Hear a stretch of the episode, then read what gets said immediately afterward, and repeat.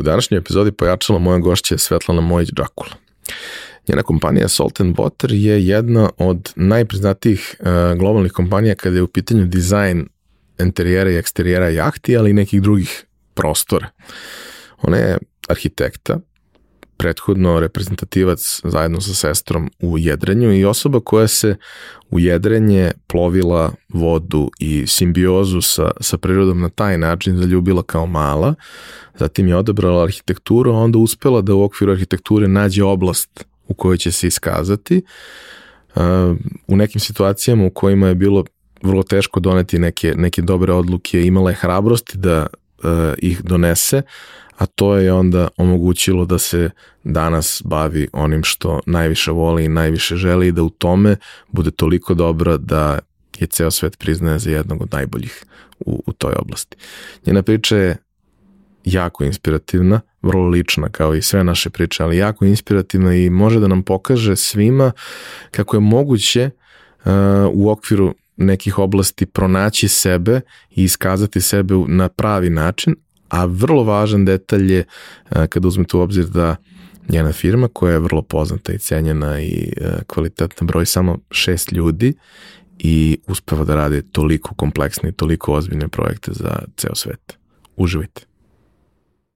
Realizaciju pojačalo podcasta već duže vreme podržava kompanija Epsona. Od nedavno smo za vas pripremili nešto posebno. Naime, nova fiskalizacija podrazumeva da mnogo veći broj nas mora da se bavi ovim pitanjem i mnogo je nedoumica, mnogo je e, nedovoljno detaljno objašnjenih informacija. Mi smo se potrudili da na jednom mestu, na sajtu novekase.rs, objasnimo baš sve što može da vas zanima i damo odgovore na sva pitanja, što se tiče same fiskalizacije, što se tiče toga ko je obveznik, kao i na koji način možete iskoristiti subvencije koje država daje.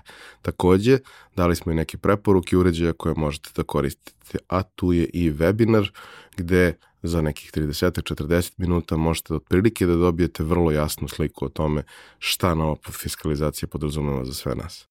Takođe, treba reći i to da kompanija Epson, osim POS uređaja koji su ovde u centru pažnje, proizvodi štampače u svim mogućim oblicima, veličinama i namenama, kao i već 20 godina najbolje projektora na svetu, a više o tome možete videti na epson.rs. Za slučaj da želite da nas podržite vi individualno, možete da posetite link u opisu podcasta na platformi Buy Me A Coffee i tu možete kupiti mesečnu pretplatu ili jednokratno donirati neki jednost koji želite. Hvala vam unapred na tom.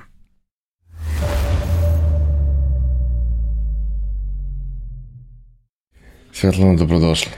Veliko je zadovoljstvo što si, što si danas ovde, jer već dugo pratim to što radiš i uh, iako nisam baš imao prilike da se upoznam uživo kako to sve izgleda i da iskusim neki od tvojih radova, a voleo bih, ovaj, prilično mi je sve to impresivno i ceo tvoj lični razvojni put koji sam upoznao kroz razne neke intervjue i razgovore sa ljudima koji te poznaju mi je sjajan i drugačiji od onoga što je negde konvencija, posebno za ljude koji se opredele za struku za koju si se ti opredelila. Pričat ćemo o tome danas, ovaj, ali za početak bih htio da ti se zahvalim što si došla.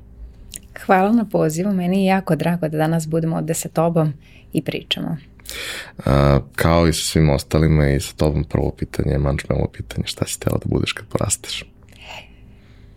Kada sam bila mala, već tada sam shvatila da u stvari me uopšte ne interesuje šta ću ja to zvanično da budem, nego sam u stvari bilo mi bitno čime ću ja to se bavim tokom dana i moja definicija tvo, odgovor na tvoje pitanje, u stvari ja sam žela da radim eksperimente.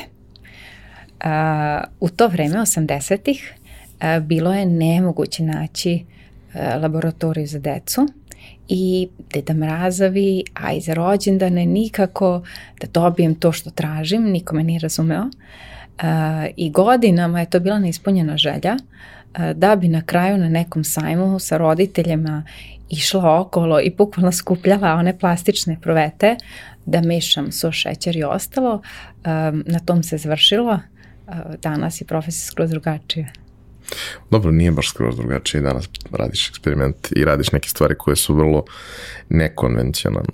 E, naš pristup je, kao što ti znaš, kao što i svi znaju, hronološki i ajde da prođemo uh, kako je prosto došlo do toga čime se ti danas baviš. Uh, osnovna škola, ono, krećeš prvi put kroz nekakav sistem obrazovanja gde imaš određeni set obaveza, imaš određeni set predmeta, verovatno kao i sve ostale, neke stvari te interesuju, neke stvari te baš i ne interesuju, ali sad više ne možeš da biraš šta te interesuje kao pre toga, pa čitaš ono što ti je interesantno, gledaš ono što ti je interesantno, nego prosto moraš da usvojaš sve i negde postižeš neke rezultate u svim poljima. Ali šta te je povuklo, šta ti je bilo interesantno u, u tom nekom periodu? Za mene osnovna škola, srednja škola, to je nešto što mora da se završi. Znači šta ti daju, to radiš. A ja sam jako velik zagovornik u stvari vanastavnih aktivnosti i tog neformalnog obrazovanja. I cijelo moje detinjstvo i odrastanje je pratila gomila vanastavnih aktivnosti, ono jezici, a, sa jedne strane, manje ili više uspešno i gomila nekih drugih stvari. Ja sam iz Novog Sada, ja sam novosađanka baš i tamo je od 90. i neke bilo različitih nevladinih organizacija koje su pružali u to vreme fantastične različite sadržaje za omladinu, da to tako nazovem. Bio otvoreni klub, tu sam išla i na lutkarsku sekciju i na kasnije debatnu sekciju u kojoj uh, smo stvarno ono kao bio dobar provod, bila je dobra ekipa, u stvari smo naučili da argumenta, argumentovano a, pričamo i a, vodimo dijalog sa drugim ljudima, što mi je posle nevrovatno puno značilo. Onda u srednjoj školi, srednja novinarska škola, To je bilo super zato što u to vreme e, svi oni su imali dosta velike budžete i vodili su na razna letovanja, proletovanja. Mislim da to je izraz samo za, za takve stvari smišljen. Um, išla su mi najviše matematika i informatika i uh, išla sam u Arhimedesovu školu mladih matematičara i išla sam ono što je bilo mnogo bitnije na zimovanja i letovanja sa njima. Uh, ti ljudi pre svega te devojčice koje su sada sve žene, ja se sa njima družim 30 godina, uh, one su sve u svojim oblastima stvarno za ponos i uh, baš je uživanje što smo ostali u kontaktu. Neke 95. 6. Uh, tamo organizuju i popodne dodatno van nastavna aktivnost, što je u stvari programiranje Pascal u to vreme.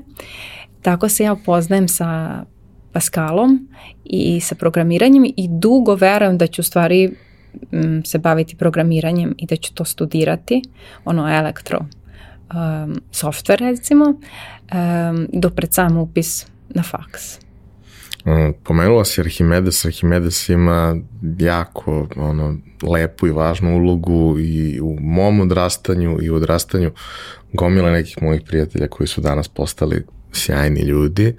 Ovaj, I ja isto imam gomilu njih s kojima sam ne toliko u redovnom, ali u povremenom kontaktu, što to su prijateljstva koja možda ne ono u najintenzivnijem obliku, posebno što su sad svi raštrkani po različitim tačkama ove kugle, ovaj, ali to je ono, znaš, kao vidimo se jednom u par godina i kao da ni u jednom trenutku nismo prestali da se družimo, a, a ta energija koju je Arhimedes nosio sa sobom i taj način rada koji je Bogoljub sa, sa profesorima napravio, gde ti zapravo prvo, ono, naravno, postoji neki talent interesovanje da bi uopšte ušao u tu priču, ali onda dobiješ, ja sam tu govorio, onda dobiješ nastavnika matematike kako bi želeo da imaš u školi. Nema tu sad ne znam kakve mudrosti, Neć, nećeš ti sad postati, ono, nećeš ići na matematičku olimpijadu ako nisi neko ko je za matematičku olimpijadu. Ali ćeš naučiti da voliš matematiku, naučit ćeš da razumeš matematiku. Cijela osnovna škola je meni bilo obeležena time i takmičili smo se i interno i uvek je to bilo, znaš, kao, uvek se znamo, to, to je skoro Sergej Trifunović rekao ovaj, na, na, na nekom intervju, kao uvek se zna ko je najbolji glumac uh, u prostoriji. To se, svi znaju ko je najbolji glumac. E, i mi smo znali ko je najbolji matematičar u prostoriji i naravno to se i u našoj generaciji ispostavilo tako naš drugar koji je išao na tri matematičke olimpijade, osvojio medalje i sve ostalo. A smo se mi super zezali.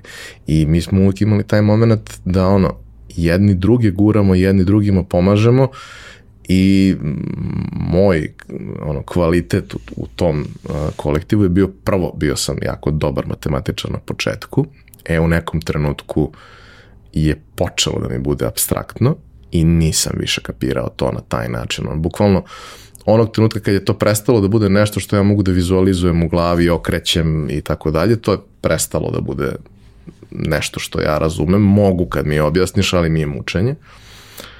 Ali sam razvio ono, komunikacijone sposobnosti, pa sam bio u stanju da prevodim između ovih koji se međusobno ne razumeju i na kraju mi je karijera se svela na to. Ja sam ono spona između ljudi koji se međusobno ne razumeju.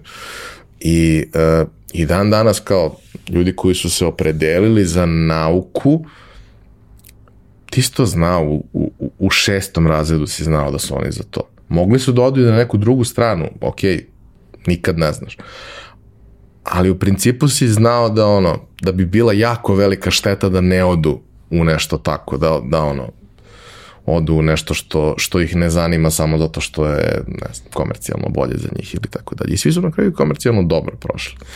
Ovaj, ali isto jedna bitna stvar u tvom životu ispostavit će se i za karijeru i za sve ostalo su bile druge nastavne aktivnosti i moment koji negde kod značajnog broja mojih gostiju je uh, takođe ono, jedna od ključnih formativnih stvari u odrastanju, a to je sport.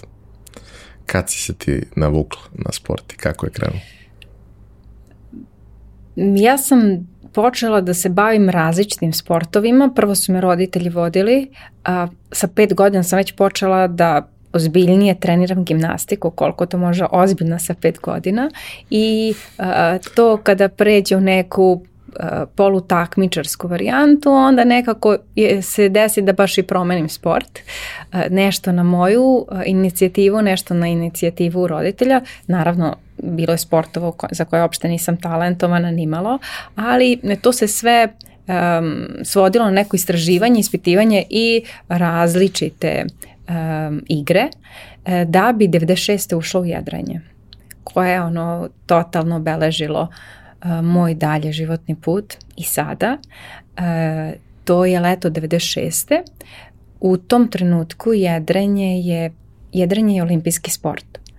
E, međutim, u Srbiji u tom trenutku to je potpuno amaterski sport za koji postoji zahvaljujući nekoliko entuzijasta koji su jedrili u staroj jugi i koji ne dopuštaju da im se život svodi na neke druge stvari. Oni žele da, pošto je jedranje u stvari m, mm, način života, objasnit ću i to mogu da objasnim zašto tako mislim.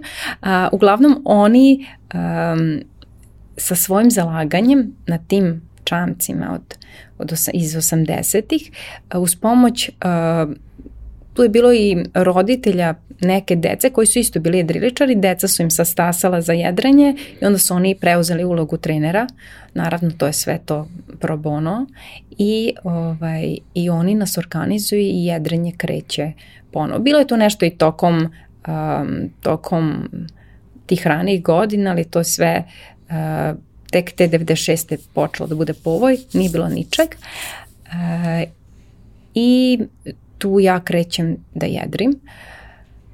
Kada kažem da je to način života, zašto to kažem? Zato što jedrenje je jedna od redkih sportova gde može u stvari da a, možeš tu da ono, profi ili poluprofi treniraš da se spremaš za olimpijadu i slično. Možeš amaterski da jedriš iz uživanja, a možeš i da pokupiš familiju ili društvo i odeš na odmor, budeš sedam dana u čarteru na jedrenju, obilaziš neke uvalaje, predele, marine i tako dalje. Iz tog razloga to je mnogo više od sporta po meni. I e, ta veza između prirode i um, i sporta i čamca i svega I je, vode. i vode je dovela do, do toga da se ja potpuno dušavim time i počnem time a, da se bavim bez dalje prestajanja, evo koliko to godina od tada. Um, sada, samo jedrenje je u Srbiji potpuno mm, na margini, mm, većina ljudi nije ni čula za njega. A, jedrenje je fenomenalno zato što, u stvari baš to što kažeš, provodiš vreme na vodi, a zna se da voda doprinosi imunom sistemu, da ti poboljšava i fizičko i psihičko zdravlje, da smanjuje nivo stresa. Naročito psihičko. A, e, ovaj, I onda svaki vikend uh, je rezervisan od tog mog početka sedmog razreda nadalje uh, za jedrenje. Uči se uh, i van nastavne aktivnosti su tokom nedelje, ono osnovna škola posle u srednjoj to već bilo malo komplikovanije, ali uh, u to vreme svaki vikend od 10 pa do 3, 4, 5 mi smo na Dunavcu, na klubu uh, i to je to nema, nema se vremena za druge aktivnosti. Meni posle fakulteta kad sam prestala aktivno da jedrem, tek sam onda videla šta u stvari ljudi rade vikendima, pošto za mene je to bilo nezamislivo. Vikend je sport, vikend su treninzi. Um, to bavljanje jedranjom me je naučilo puno stvari. Um, volim da kažem da je jedranje super za biznis zato što je sve promenljivo i ti moraš stalno da budeš iskoncentrisan i pripremljen i psihički, fizički, ali da svakom tom promenom vetra ti odlučiš u trenutku šta ćeš raditi, imaš neku taktiku, imaš neki biznis plan do kraja trke i ovaj, ali isprobavaš i eksperimentišeš. Tako da, eto, ta, tako je krenulo. Kasnije na fakultetu sam to uspela da spojim sa mojim uh, pozivom arhite, e, arhitekturom i ovaj, danas eto imam studio za arhitekturu i dizajn koje u stvari e, je najpoznatije e, u svom radu u niši za dizajn jahti i interijere za jahte. Pričat ćemo i o faksi i o svemu ostalom, ali ono što, što bih isto ono negde voleo da notiram kao moje razmišljanje o svemu tome što si, što si rekla, tiče se jedrenja je uh, pomenula si da ono, postoje različiti načini na koje možeš da se baviš time i ono što je mnogo lepo je što zapravo možeš kroz različite faze svog života da prelaziš iz jednog u drugi i u treći. U mnogim sportovima, koliko god da ih voliš, bilo da su individualni, timski, kako god, ukoliko nisi zaista posvećen tome, ne možeš to da radiš. Mi sad imamo primer, ono, ja trenirao odbojku i obožavam odbojku. Nisam igrao jedno 20 godina ozbiljno i kad bi krenuo sad da igram, trebalo bi mi jedno 3 meseca da to liči na nešto. I često kao ta neka ekipa koja zna da se na to trenira, a i oni su nešto kao što se mi ne bi skupili i to sve. Prate, ne možemo da se skupimo, treba 12 ljudi koji znaju da igraju odbojku da bi mogli da igramo odbojku. Najmanje 12. Ne možeš da nađeš 12 ljudi koji znaju da igraju odbojku. Nikad se neće desiti. Naći ćeš za košarku, naći ćeš za futbal, naći ćeš za te neke konvencionalne stvari, ali to je to. Ne možeš odbekom da se baviš sam. Ne možeš mnoge stvari koje voliš tako kroz život, ili ne možeš da se baviš sam, ili nema nikakvog smisla da se baviš na to nekom rekreativnom nivou, jer kao prosto izrazito je takmičarska stvar. Ovde ako to voliš, možeš u tome da uživaš u onom obliku koji, koji tebi odgovara. Ti si bila u reprezentaciji, Jeste.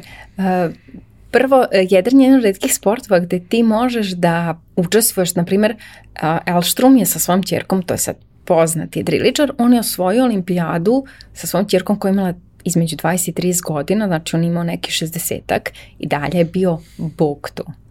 Ovaj, ima, imaju jedra po njemu i tako dalje. Ovaj, um, i, I a možeš još i pored toga da izabereš oblik koji ti odgovara. Naravno, ja sam prvo jedrala te male optimiste, to je manja klasa koja se jedri u osnovnoj školi i onda sam prešla kasnije u dvosed sa mojom rođenom sestrom, mi smo bili dvojac E, I danas kad uđemo u tu jedrilicu, nama je teško. Znači, mi nismo više za olimpijsku klasu, znaš, sve te boli. Sećaš se, to je kao vožnja bicikla. Ne možeš ti da zaboraviš taj osjećaj uh, kad krene da duva vetar, da ti se naginje čamac i da čamac, on bukvalno um, izleti iz vode, on da, da. taj osjećaj, to jako teško dočarati bilo čime drugim, ali mi smo u penziji za taj deo. Postoje druge onda jedrilice kojima se bavimo. Mi smo bile preko deceniju, mislim ja sad za sebe, a moja sestra je bila, ja mislim, možda i duže ili tu isto, preko deceniju u reprezentaciji naše države, sada ne napravim kako se to menjalo. Tih nekoliko država koje su bile. Sve tri. Um, to i dalje u startu dosta amaterski. Um, mene jedrenje naučilo da um, se ne žališ na početne uslove, već iz tih uslova koje imaš izvučeš maksimum. Bar sam ja na to tako gledala. Uh, na prvom evropskom prvenstvu uh, sam imala 13 godina u kom sam učestvovala, a moj uh, čamac ima 18 godina. Tamo ima nekih premeravanja kad, kad su došli, nisu imali ništa da mere, baš tako, neki mi je deo kormila falio, bilo je potpuno izjedeno. Ja sam bila jako ponosna, pošto je to čamac koji sam nasledala, koji je stariji od mene pet godina. U tom trenutku svi ostali voze čamce između dve i četiri godine stari. Mislim, oprema je dosta bitan deo u jedrenju, ali to je ti što ti je, ti sa tim jedriš i bitno je da jedriš. Jedriti se mora.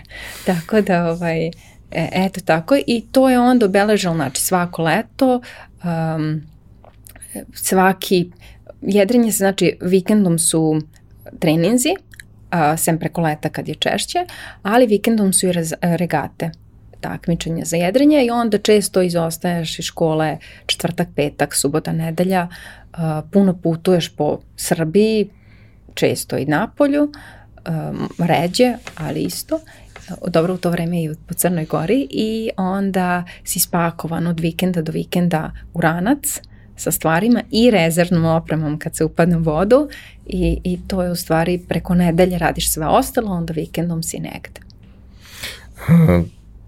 To je neki period koji kada počinje sve kraj osnovne škole, srednja škola, faks, e sad, pomenula si da si u tokom srednje škole negde počela da razmišljaš o tome da bi programiranje, software, neke takve stvari moglo da budu tvoja neka dalja karijera, ovaj, ali ipak nisi upisala taj fakultet.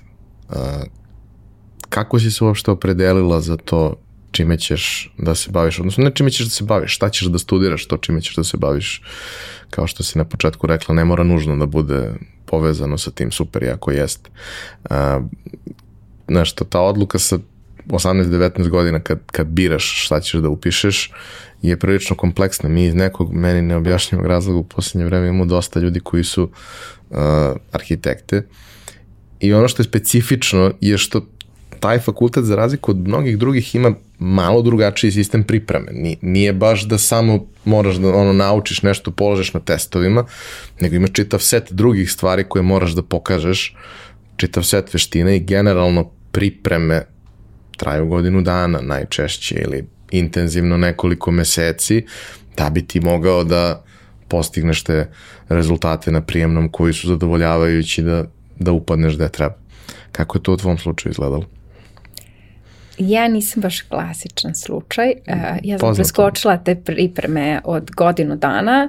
Uh, u tom trenutku arhitekturu je jako teško upisati. Uh, elektro nije bio ni blizu na glasu kao sada i u arhitekturi se stvarno mora da imaš super ocene srednje škole i morao se da imaš opšte obrazovanje, znači da polažeš taj test obrazovanja. Uh, ja sam na kraju, iako sam se spremala za Beogradski, odlučila da upišem u Novom Sadu fakultet i um, to je bilo ono spremanje poslednjih par nedelja šta ima deset knjiga se pročita, aha dobro, ajmo da i, da i to uh, prođemo i to je bilo ubrzano, a um, ovo ostalo je sve nekako bilo um, skupljeno. Zašto sam se odlučila za arhitekturu u tom trenutku? iskreno ti kažem, danas se ne sećam baš svega.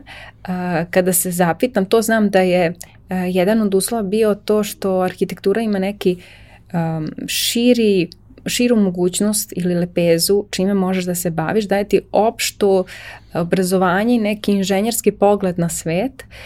Um, ja sam završila pre toga gimnaziju, znači išla sam prirodno, matemati, prirodno matematički smer u Jovinoj.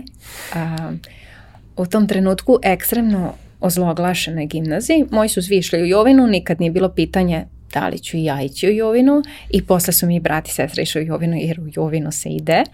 Um, ko je upisivao Jovinu u tom trenutku nije mu bilo bitno baš kakve ima ocene, uh, zato što u Jovinu je ostajalo mesta na prijemnom, uh, jer ljudi nisu bili ludi da se uh, tamo upisuju. Bila neka stara garda profesora. da se kazni. Ovaj, moglo bi se tako reći. Um, gimnazija mi opet naučila super stvari. Uh, osnovna stvar koju me gimnazija naučila je da nema pravde.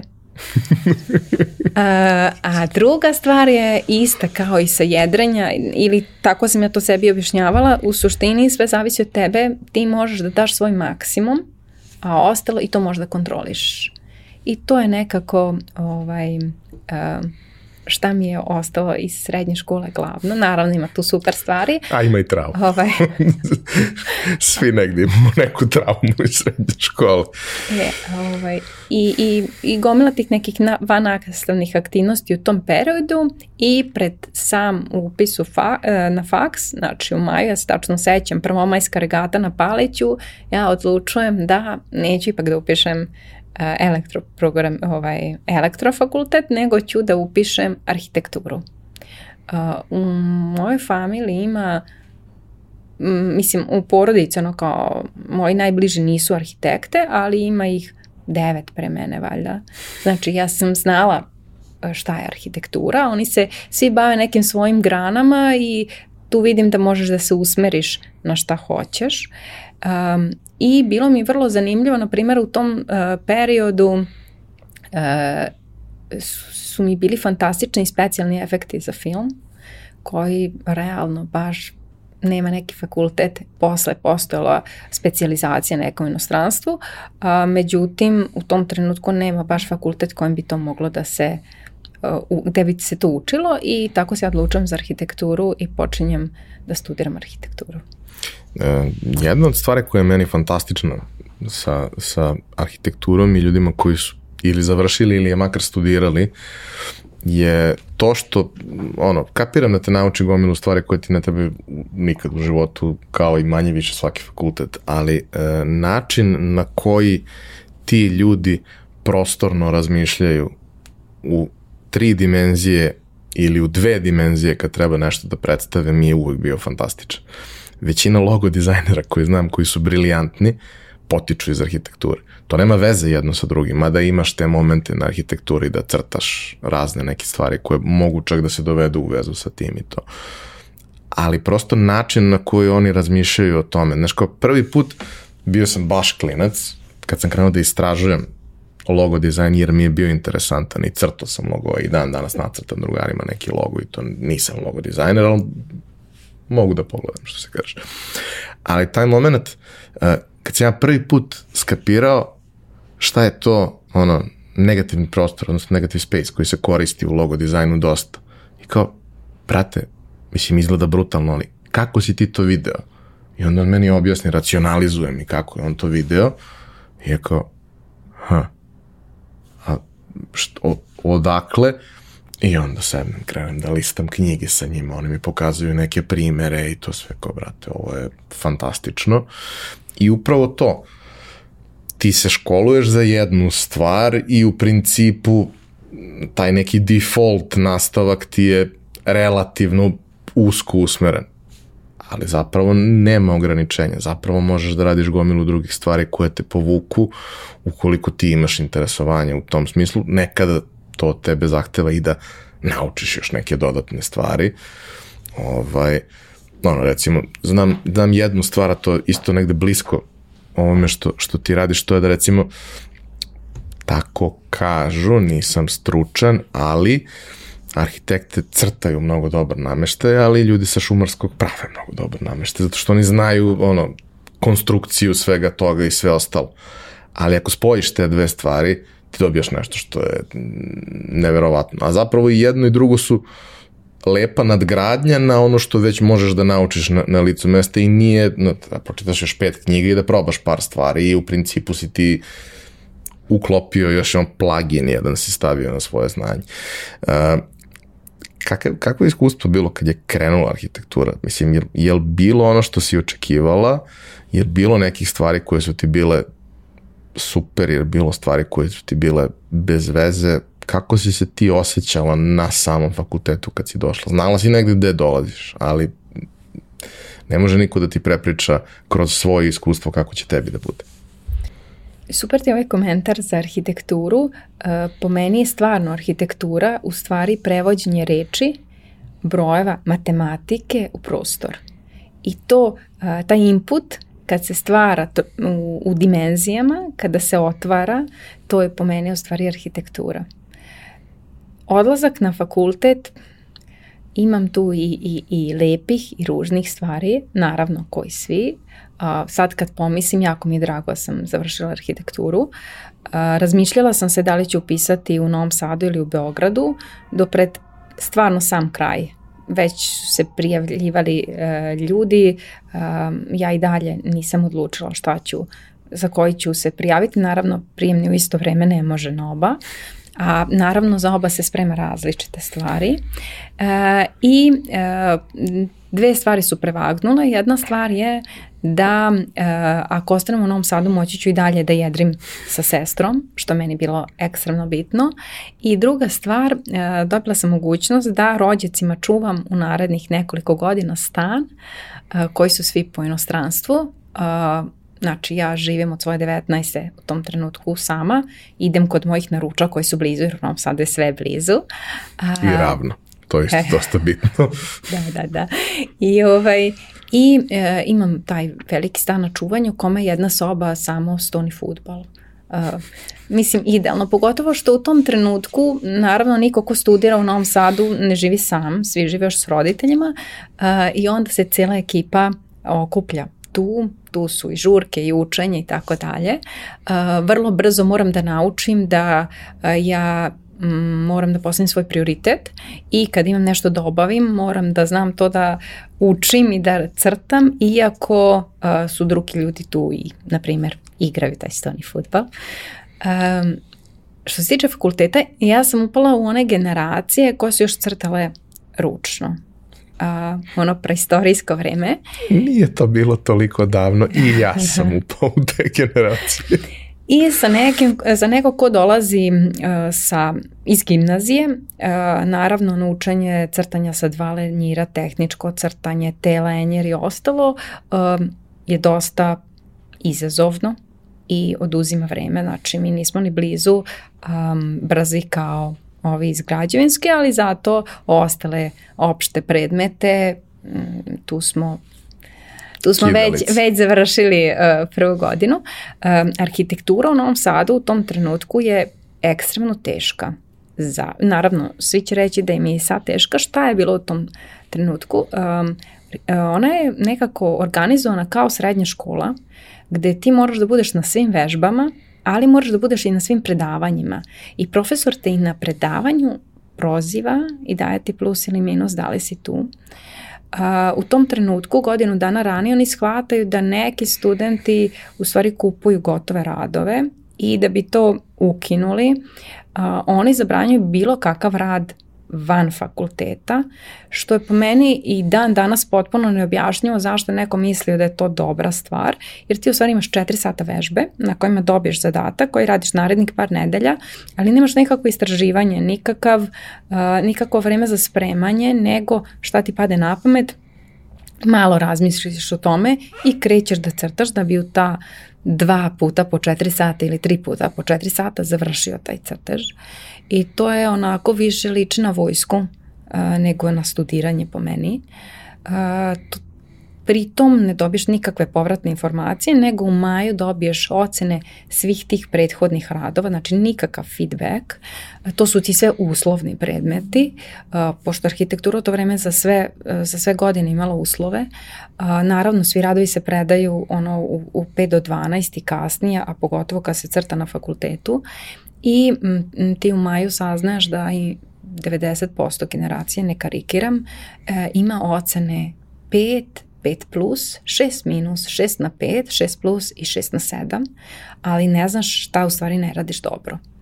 Uh, ta prva godina je bila baš teška i traumatična i uh, sva sreća sledeće godine nam se uvodi projektovanje kod uh, pokojnog profesora Krstića koji je jedan fenomenalan profesor bio, fenomenalan čovjek sa jako puno e, iskustva. Na limanima sve što je građeno i što sad ima ono najveću cenu, to je radio profesor Krstić ili 85% toga. I on ne teoretiše uopšte puno, on je jedan totalno praktičar, priča ravnim, monotonim, tihim glasom, ne proziva ko je na predavanju, ali kod njega ko ide, sedi u prvom redu i e, upija. sluša, upija i piše i on tu stvari uči arhitektura je razumevanje ljudskog načina življenja, procesa tokom dana, tokom noći, kako funkcioniše porodice, kako funkcioniše društvo i kako to u stvari da prebaciš u organizaciju i u projekat. A, pritom on dopušta da se radi na kompjuteru, tako da nas desetak sa godine radimo u Arhikedu sam ja radila, a mislim da su svi u tom trenutku radili tako. Uh, I ta druga godina onako vraća veru u, u faks i počinje da nas uči tom inženjerskom načinu razmišljanja i uopšte pristupu arhitekture, tom pravom načinu. Mislim, bilo je sad tu svašto. Na trećoj godini su nam rekli možete crtati na kompjuteru, ali samo ako sve iscrtate isto ručno i tako dalje. Do kraja kod nas ne stižu laptopovi, radi se ne već nešto na kompu, ali to je sad već podeljeno.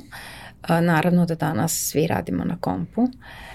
E, sa druge strane, e, na fakultetu postoje različite van nastavne aktivnosti na koje se ne prijavlja puno ljudi, ali ja se na sve to prijavljujem. E, naprimer, na drugoj Postoji nešto što ne znam više kako se sad tačno zove, ali zove se kao kongres arhitektura se tada zvalo.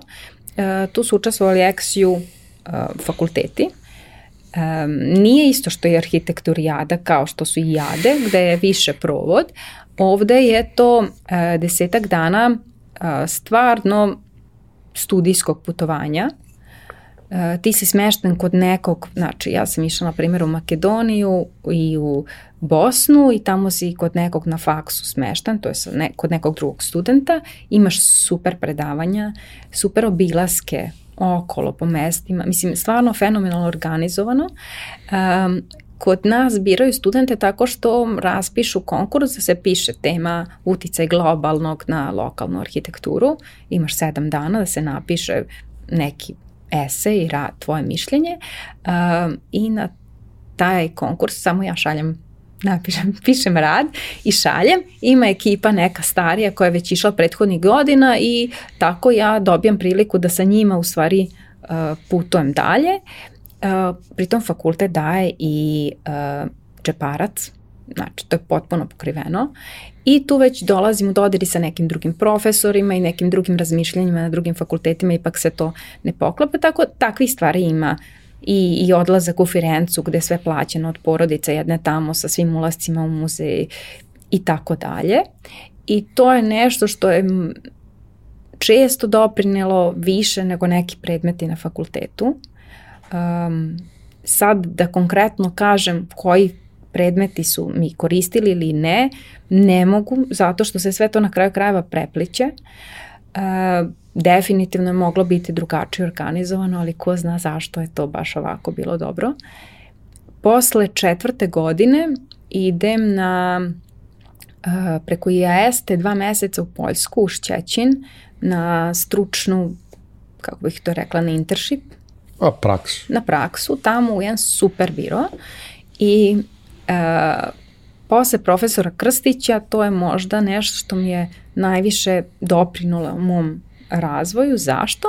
Tamo ima dva um, vlasnika firme, jedan je malo stariji, uh, svi rade na kompu, uh, ali nema neta i uh, ja radim ručno, meni su, ne za mene nema komp, ja radim ručno, neku vilu sa tri stana, ovo što je sad kod nas dosta popularno, tada je luksno vilo od tri stana bila nešto što se tamo radilo, znači pre 15 godina i ja svaki dan crtam, a e, svaki ili svaki drugi dan imam na kraju um, tog radnog vremena sa tim vlasnikom konsultacije gde on mene ispituje zašto sam ja, kako sam ja razmišljala i zašto sam ja do toga došla I on ne odustaje dva meseca. Svaki dan to što ja uradim preko dana, on meni u stvari kroz vrlo, eh, na vrlo fin način pokaže da nisam o svemu razmišljala i da tu ima još nešto da se proceni i pogleda i sutradan ja crtam iznova. Um,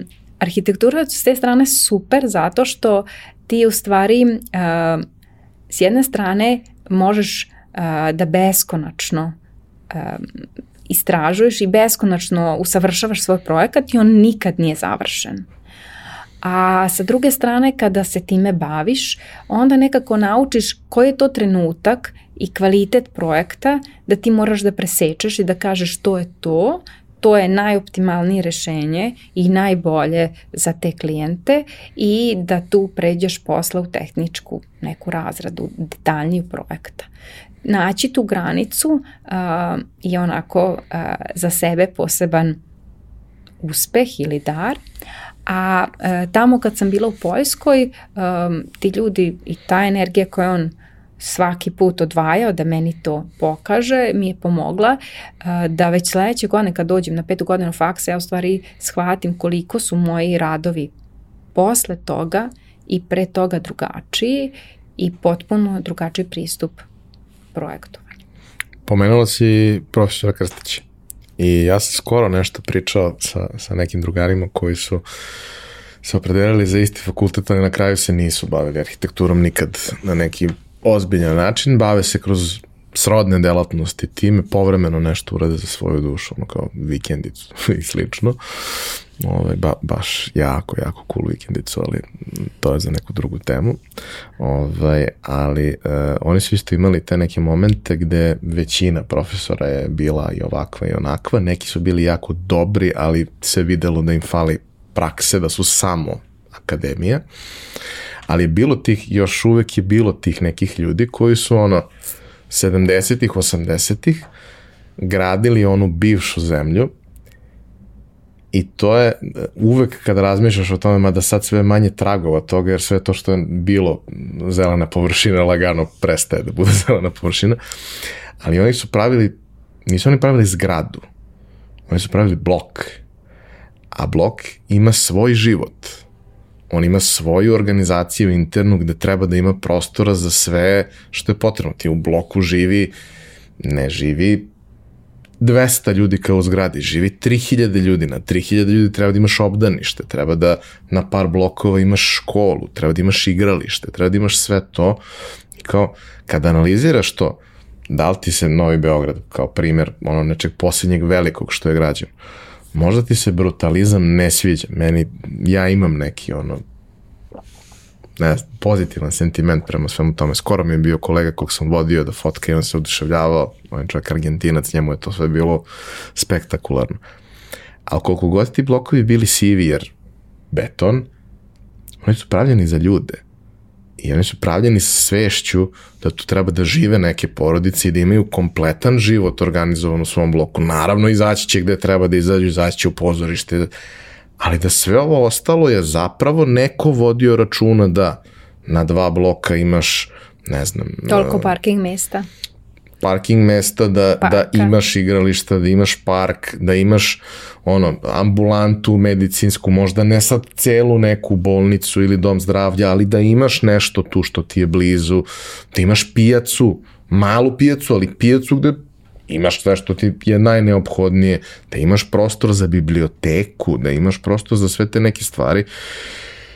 Sad, šta su ti objekti postali vremenom, to je druga priča, kao neko je zapravo mislio o svemu tome i uh, svaki blok na Novom Beogradu kad kreneš da ih istražuješ, a siguran sam da je tako i na drugim mestima,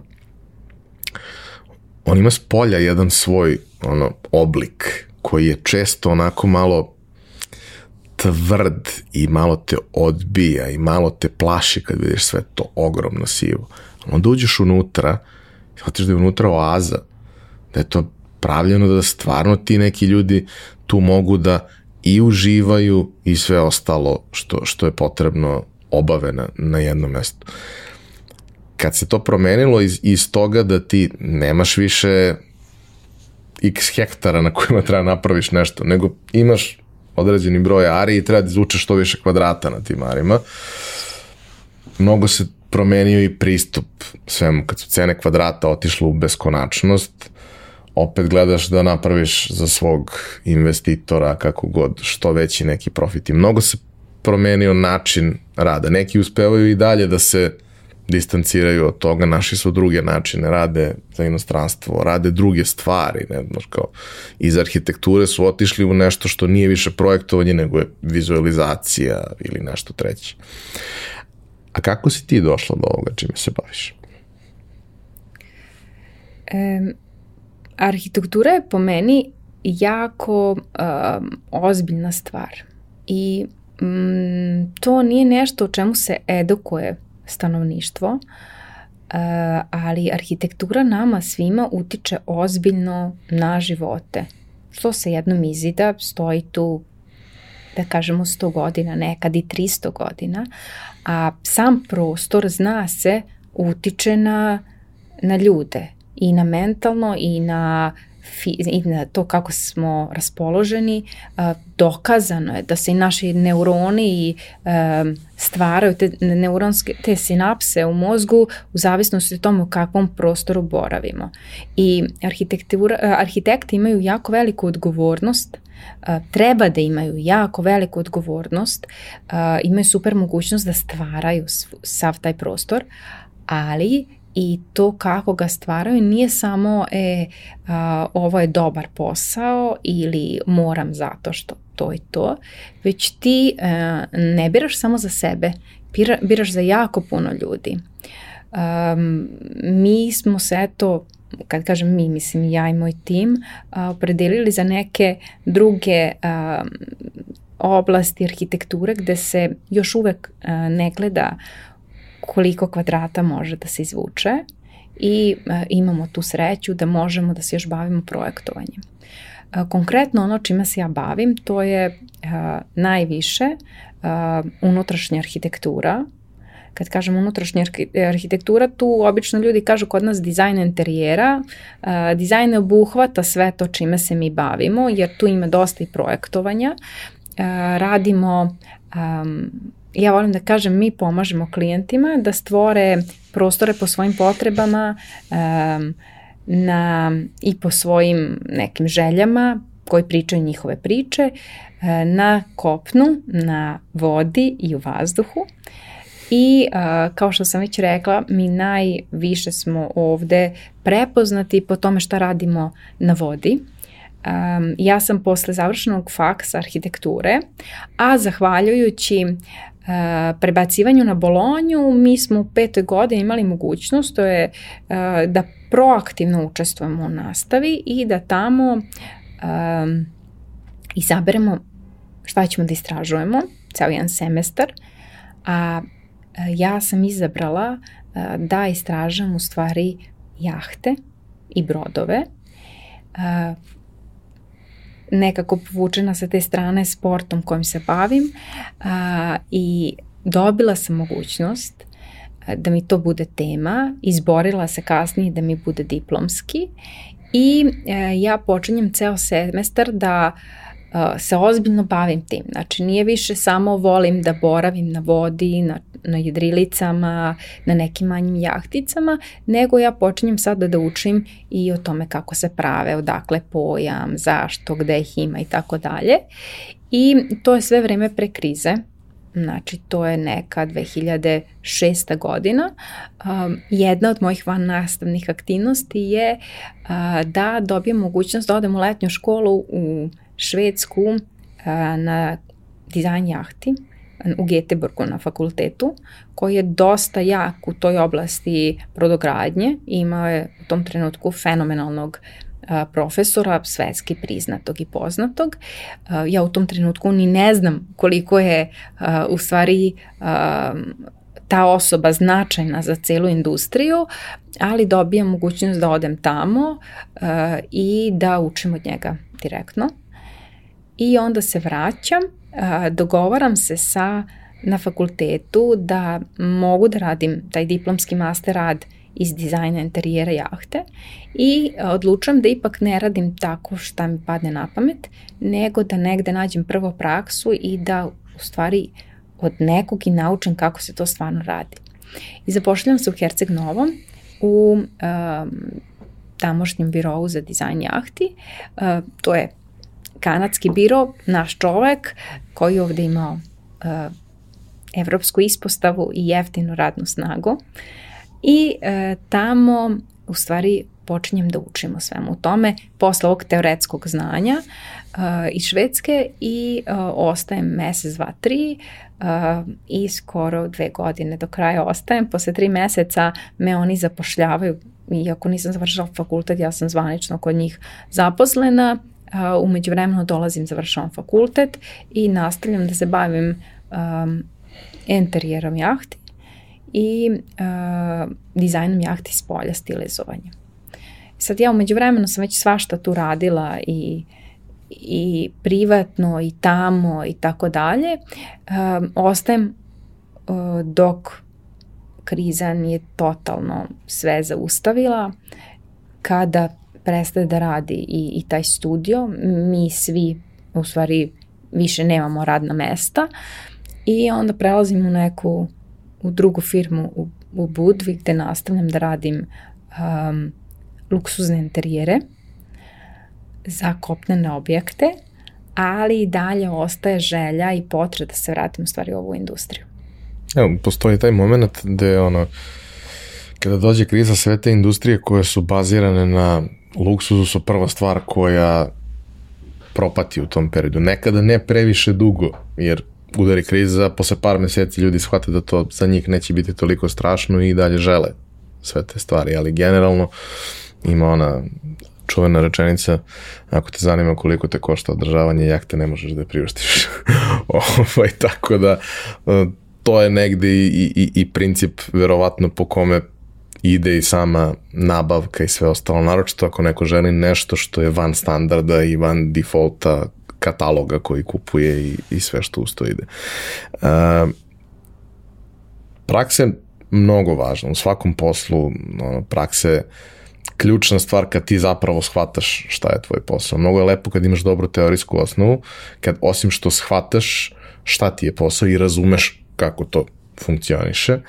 Uh, iz ovoga što si ispričala, meni se čini da si ti dobila jako veliku vrednost i kroz fakultet i kroz sve te ostale stvari, da si zapravo se jako dobro pripremila za ono što sledi, da si kroz rad u ovim firmama se i uh, ono ispolirala kao autor i osnažila da razumeš kako stvari funkcionišu i da kažeš sebi, bar ja to tako vidim, možda mogu ja ovo i na neki način sama kroz neko vreme da pokrenem kao, kao svoju priču, možda ono, mogu ja da biram šta ću da radim kada se vremenom izborim za to. Kako je došlo do toga da ti kreneš u neku svoju samostalnu priču iz toga? Rekla si da te je vuklo da se vratiš tome što, što želiš da radiš. Mislim, pričat ćemo i o projektima koje si radila iz razloga što, mislim, kako da kažem, ljudi znaju da ja psujem u ovom podcastu s vremena na vreme, ali brate, ono je jebeno wow. I moramo da pričamo o tome, ali znaš, da bi došlo do toga mora da postoji taj neki unutrašnji mm, crv, veverica na amfetaminima koja grebe, leptirići u stomaku, zovi to kako hoćeš, u mom slučaju mislim da je u nekom nekoj situacijama bio nosorog unutra, koga ne možeš da iskuliraš, a kao, ja ovo moram kad si ti došla do toga da ti moraš da probaš? Šta se dešavalo? E, kad sam prešla u Budvu, tamo se gradila, znači posle Herceg Novog dve godine, prelazimo u Budvu, a, to je tamo trenutno najveći projekat i jedan od najvećih u Evropi u tom trenutku. Imamo neverovatne mm, novčane stimulanse, a, super je pozicionirano jer si u jednom objektu a, okolo ima još 47 isti koji se grade i ti izlaziš na gradilište, učiš i sam proces je bio super, a baš mi je to falilo što kažeš a, to je sve super, ali nisu brodovi sa, a, nema veze sa brodovima i a, onda sam počela da gledam koje su mi opcije. A samo jednu stvar bih te vratio, pošto mislim da je vrlo, vrlo značajna. Uh, učestvovao sam u jednom projektu koji je sličan tom na kome si ti radila. Čak i blizu. Ovaj, učestvovao sam u jednom potpuno drugom drugoj ulozi, ne, nevezano za to sve, ali mi je bilo fascinantno da kroz vreme kako dolazim u nekoliko navrata dok smo sarađivali, vidim kako nešto raste i vidim, pošto su to tipski objekti, ali koji su unutra potpuno različiti, jer su prilagođeni različitim kupcima, njihovim željama i potrebama, taj moment što ono kao svi, svi negde imamo tu, taj, tu potrebu, ne svi, ali mnogi imamo tu potrebu. Nešto si osmislite i sad vidiš kako to izgleda i kako se radi i zapravo iako to nije baš dobra praksa, možeš da utičeš u toku rada da se neke stvari urade drugačije, da se ispravi, da pratiš to sve, ono, to, to, to živi, tu ti ga još ove nedelje, on ga sledeće nedelje pravi i kao, verujem da je wow kao iskustvo i verujem da je takođe jako stresno da ne treba to raditi beskonačno dugo u životu, ali da ta vrsta bootcampa znači negde kad, kad prolaziš kroz to. Posebno kad imaš znaš, di, dizajn enterijera ovoga što je na vodi i u vazduhu je jako ograničen prostorom. Nemaš ti previše mesta da napraviš sve ono što treba da napraviš. Moraš jako da budeš ekonomičan sa prostorom i da jako dobro razmišljaš o svemu tome. Ovde nemaš tu vrstu pritiska. Mislim, u principu imaš ograničenja. Nemaš sad još jednu sobu da dodaš ako je nema. Ako nema mesta za, za nju i nije predviđena projektom ali imaš malo više slobode, imaš malo više mogućnosti da, da, da se razmašeš, ali isto tako imaš masovnu proizvodnju ko na pokretnoj traci. A treba stalno da budeš na neki način inovativan i da razmišljaš o svim tim stvarima. kao, koliko ti je to, taj deo iskustva, gde kao, neću da kažem ono, da, da moraš budeš kreativna na zahtev, ono, stalno, ali gde stalno radiš istu stvar na različit način, koliko ti je to značilo. I da vidiš to svoje što si smislila, kako nastaje pre toba. Svaki dan.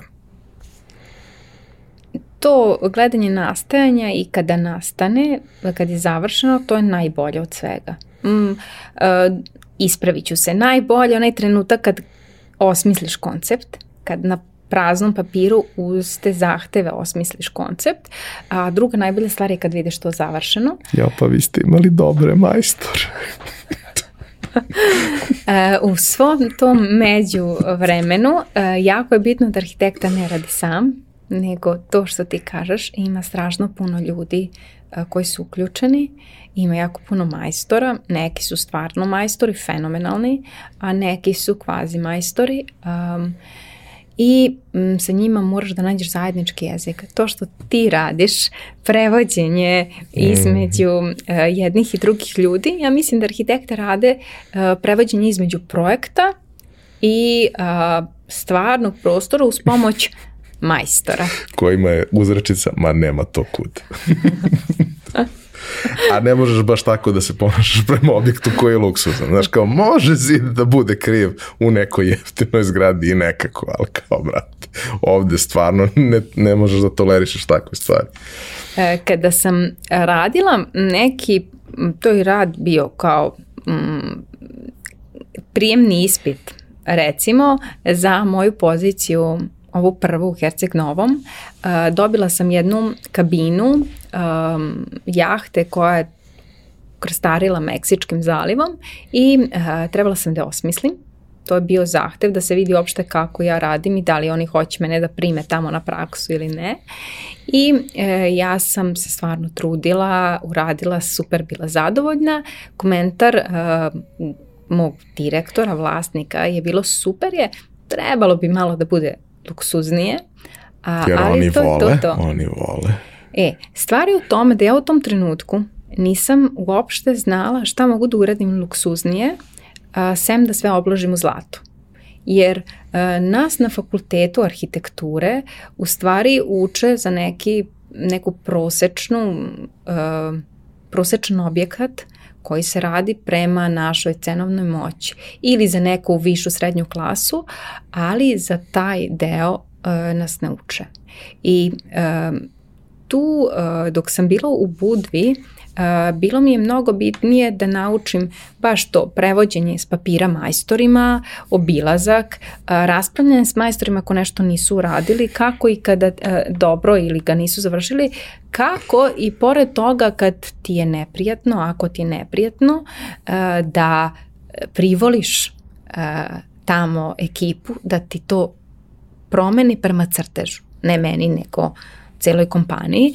To je onako bio za sebe izazov i uh, godine uh, su me naučile da, da na kraju može, ako si uporan i ako se dobro dogovoriš u startu i izabereš dobru ekipu, što je jako bitno da imaš proverenu ekipu, da um, u stvari projekat um, na kraju treba da izgleda tako kao što je zamišljen.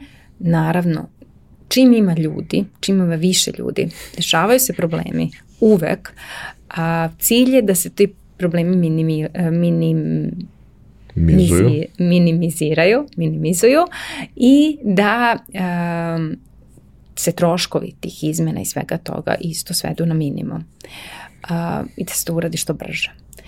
Tako da uh, to je onako dosta izazovno i zahtevno. Uh, Um, dalje, kasnije, uh, da bi uopšte se upoznala sa luksuzom i ostalim stvarima, uh, ja um, shvatam da moram mnogo više da budem po inostranstvu, po različitim sajmovima, boat showovima i ostalim. Um, u tom trenutku, uh, dok sam još u Budvi, um, materijali sa kojima oni rade su ekstremno skupi. Sad ima neka priča da je kvadratni metar opremanja bio, na primjer, 16.000 eura. To su neke ogromne cifre, pogotovo u to vreme, um, mislim, nezvanične, gde ti u stvari vidiš da, um, da je taj materijal, znači italijanska roba, katalozi, sve što je birano, stvarno u tom trenutku top, top, top. Pritom imaš dodara sa internacionalnim klijentima i vidiš nevjerovatnu razliku između istočnih i zapadnih klijenata, različitu pristupu, različitu u načinu sastančenja, dogovora i samog toga što oni biraju, taj estetski moment. Uh, to je bila jedna škola u to vreme, da se vratimo na tvoje pitanje kako sam odlučila da se ovim bavim i ostalo, ja pratim, imam pogotovo, imam neku sportsku povredu pa se privremeno vraćam u Srbiju i još više pratim šta se dešava u svetu jahti i um, pronalazim da je raspisana konkurs stipendija za uh, master specijalističke studije u Italiji za dizajn jahti i konstrukcije koje ja već posmatram od kad sam odlučila da ovo želim da radim, a koje su preskupe za mene dotle i daju jednu stipendiju za taj moj smer uh, za besplatno studiranje. I naredno periodu do samog tog deadline-a svaki moj slobodni trenutak ja razmišljam o tome ili radim na tome, znači svi resursi 110%, uh, šaljem rad i dobijam tu stipendiju. I to u stvari bio korak, ja nisam odmah počela da se bavim privatno, nego sam otišla na specijalističke studije u Veneciju, e, gde živim narednih godinu i po dana i gde u stvari studiram to što me najviše zanima. E, studiranje tamo, nas ima osam na godini, svi profesori su e, priznati stručnjaci iz sveta nautike, a ne samo priznati stručnjaci, oni su svi jedriličari koji imaju iskustvo na vodi više vekovno. Šalim se, ali ovaj... Ali kad sabereš budi. imaju iskustva, znači ako neko nije imao brodolom džaba, to je još ono vreme 70. i 60. kad nema nikakvih navigacijonih sistema sem radija, kad ne može ništa da se, mislim to su neverovatne priče šta su oni uh, preplovili, obišli i tako dalje I e, ti njima kad god pošalješ pitanja, oni ti koje god pitanje u vezi sa strukom, oni ti odgovore bez stajkivanja, bez nekih dodatnih info kao zašto ti to treba ili šta ćeš ti sad naučiti bolje od njega. Ne, oni su svi dokazani i vole to što rade. I žele da to prenesu. I žele to I taj, da imaš prenesu. taj moment, često se dešava, da, znaš, kao da, kao, kod, sa kolegama, ok, sveta marketinga, ali slično je, kao, kako ti, ko, kogod te pita, ti mu kažeš sve što mu treba. Kao, znaš, on, ti otkrivaš svoje tajne. To, ne, brate, mislim, ja imam 22 godine iskustva i ako je rešavanje pro, jednog problema jednoj osobi nešto što će mene da poljulja kao autoritet i što će meni da sruši karijeru, ja nemam karijeru, ja imam uh, masku. Meni je cilj da ono, podignem industriju i sve što radim poslednjih 10 godina i da probam da podignem, da osnažim ljude, da nam svima bude bolje. Meni će bude dobro kako god okreneš. Mislim, men, ono, nemam ja pravo se žalim. Ali treba stvari da budu bolje, treba da bude više znanja, treba da bude više kvalitetnih ljudi i sa većinom ljudi, ono i u mojim Galebi Nikačeviću formativnim godinama, ovaj, su bili mentori koji nisu imali nikakav problem sa tim da mi kažu sve svoje tajne. Je ima dovoljno i za mene i za njih i oni su 20 godina u prednosti. I koliko god se ja cimao, oni će da budu 20 godina u prednosti. I možda ću ja za 10 godina da ih stignem malo, pa će da budu 18 godina u prednosti. Ako, znaš, ne može niko da ti oduzme tih 50 godina na vodi koje imaš. Ne može niko da ti oduzme to što, ono, ako bude uh, nuklearni udar i više nemamo ni jedan uređaj, oni će i dalje znati da oplove zemlju ako treba. Kao, pro, prosto je tako.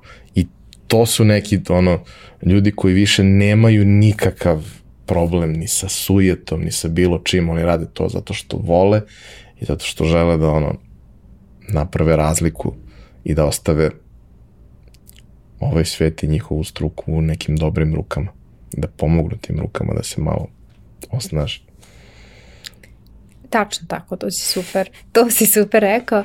Ovaj, oni su tamo da nas nauče da mi nastavimo kako treba. I ti godinu i po dana za mene je bilo preporod. E, Bitna stvar je što sam ja pre toga radila.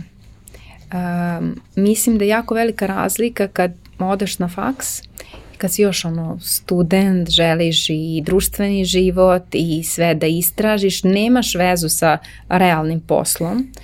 I ovde kada um, dođeš sa jednim ciljem, jednim fokusom i to je to.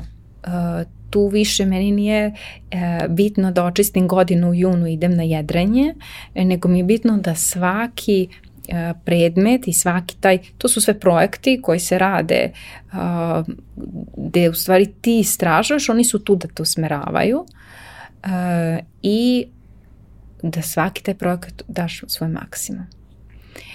Kad sam otišla tamo, već sam počela da radim privatno tako što su me uh, bivši klijenti od firme koji sad više nisu imali gde, počeli da zovu i kolege, um, pošto sam ja pre svega radila sa uh, brodoinženjerima, ja sam tamo bila jedina kao za taj deo spoljašnjeg dizajna i interijera uh, i čim su imali neki takav zadatak, mi smo svi ostali super odnosima, uh, su počeli da mi šalju i tako ja u toku studiranja već počinjem da, da radim uh, i da učim paralelno još dodatno i uh, onda počinjem da dobijam preporuke od profesora uh, pošto cijela industrija radi naravno na preporuke, u tom trenutku profesori počinju me preporučuju različitim studijima i dobijam upite i od tih studija. Sa nekima počinjem pomalo da sarađujem, neki pokuš, žele da me zaposle. Um, I ja dok sam tamo, uh, jako puno vremena sam uh, uložila da naučim Katiju, koja je bila, mi smo dobili licence od fakulteta i meni je kao program bila jako zanimljiva. Postoji puno studija um, brodoinženjerskih studija koji rade u njoj, iako ona pretežno za avione i automobile. I mašinsku industriju i sve, ali to je onaj moment, izvini što te sečem, ali moram da objasnim ljudima koji ono misle da se sve pravi u AutoCAD-u. AutoCAD je software, ili ArchiCAD, nebitno, je software za crtanje. Ovo je software za projektovanje. Sve da je potpuno različite stvari. Imaš gomilu dodatnih stvari koje možeš da izvučeš kao što je za opet mašince, SolidWorks, naredni korak. Ti u ovome možeš da nacrtaš sve što treba, ali u Solidu zapravo dobiješ sve informacije koje ti trebaju u tome. Iz Solida ti dobiješ nešto sa čime možeš da radiš. Ti odmah radiš, mašina odmah radi sa tim. A ovde neko gleda crteš pa sad tumači šta je crteš.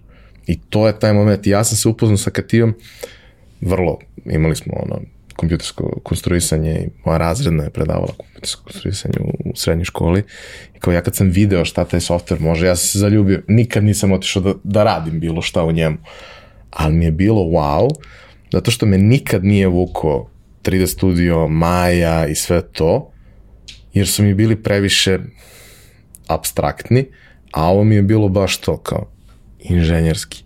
Pa ti kad napraviš u njemu, možeš posle da mu radiš šta hoćeš, ono, ispolivaš teksture, staviš svetla, eksportuješ u šta god. A kao ovde možeš da ga isprojektuješ, što je, što je, što, što je, što je brutalno. I taj skok koji se desio kad je postala popularna, ne znam, 2005. 6. je počela da se javlja, 7. 8. 9. 10. je počela da kao ulazi ozbiljno u primjenu u industriji. To je bio kvantni skok u industriji koja je već bila ozbiljno, da kažemo, uznapredovala u, u, u prethodnih par godina. Izvini što sam ti sekao, imam divne emocije prema Kati, pa sam morao to da kažem. Meni je bio neki cilj koji sam ja sebi zacrtala da ja uradim a, taj specijalistički rad u Katiji, a, a to je bilo da iz projektom iz dizajn, prvo izdizajniramo a, jedan, jednu jahtu, ja sam radila i drilicu i žela sam da ga uradim celu sa svim sistemima i ostalo. E, pošto mi na e, tamo tim studijama smo dobili neko bazično znanje, e, onda sam ja uspela da da dobijem mogućnost da za praksu u birovu za severnu Italiju koja zastupa Katija software i koja baš ide to po biroima i kada im treba pomoć ili neka funkcija ili nešto, um, oni im objašnjavaju. Ja sam bila tamo na izvoru informacije, svaki dan sam putovala kod njih, to mi ništa mi nije bilo, samo da to mogu tu mogućnost da budem kod njih uh, i da, da mogu da ih pitam i da gledam od njih, to je onako dešava se jednom e, i onda iskoristiš. I uh, meni je u stvari doprinulo to da uh, u mom CV-u posle mi strašno pomaže da budem dobar kandidat za različite studije. Tako da po preporukama profesora par nekih firmi počinje da se interesuje za mene još u toku tih specijalističkih studija. Neki počinju čak i da mi sređuju papire, što se pretvara u agoniju sa mojim srpskim državljanstvom. I uh, posle različitih pokušaja, različitih mogućnosti, mislim, tu je bilo svega, ono, ne odustaješ, a, a svuda si bio i sve si pokušao. Um, to je bio neki, na primer, april, a u januaru su ispunila se kvota uh, za zapošljavanje po tim delovima severne Italije i nije bilo mogućnosti da dobijem nikako papire. Čak sam pokušavala da otvorim tamo firmu, svašta smo radili, da bi na kraju u avgustu odlučila da dođem kući i vidim šta mi je dalje činiti. Fera gostuju ako nema tamo šta da radim. I e, ja dolazim kući uz podršku e, moje porodice, tipa možeš ti šta god smisliš, e, probaj pa eto, probaj da otvoriš firmu, možda ti to bude najbolje rešenje ovde u Srbiji, baram privremeno. Mm, to je meni delovalo kao dobra ideja, ja otvaram firmu a, u Srbiji sa idejom da je to privremeno, a tu firmu držim i danas, Salt and Water u Novom Sadu, evo deceniju i nešto. E, I tako u stvari e, počinjem da radim e, što za sve te biroje koje su hteli da me zaposle. Ja sad na neki način sam spoljni konsultant, mada nisam još na nivou konsultanta, više možda kao outsourcing, gde ja putujem jako puno tamo, budem kod njih na dogovorima, sastancima, dok se upoznavanju s timom i ostalo, a onda deo toga radim iz Srbije. I uh, ispunjavam svom, do maksimum ono moju kvotu koliko može se bude u inostranstvu uh, i to tako traje jedan duži period. Um, ja pritom ne gledam tamo samo taj deo industrije, nego odma, pošto sam sad jeli otvorila firmu, gledam kako oni radi sve ostalo i procedure, i vode knjige, i koje su im i faze projektovanja. Imam neka iskustva iz ove dve prethodne firme, imam neka iskustva što sam privatno radila umeđu vremenu svašta i to, to je onako super neki boost uh, za razvoj svog, mada i solo entrepreneur, ali da, da naučiš i da organizuješ. Uh, neko vreme sam sama, onda pošto dosta putujem, i pritom idem na sve te sajmove za brodove, za materijale i ostalo i ja shvatam da ne mogu više sama i onda polako širim tim.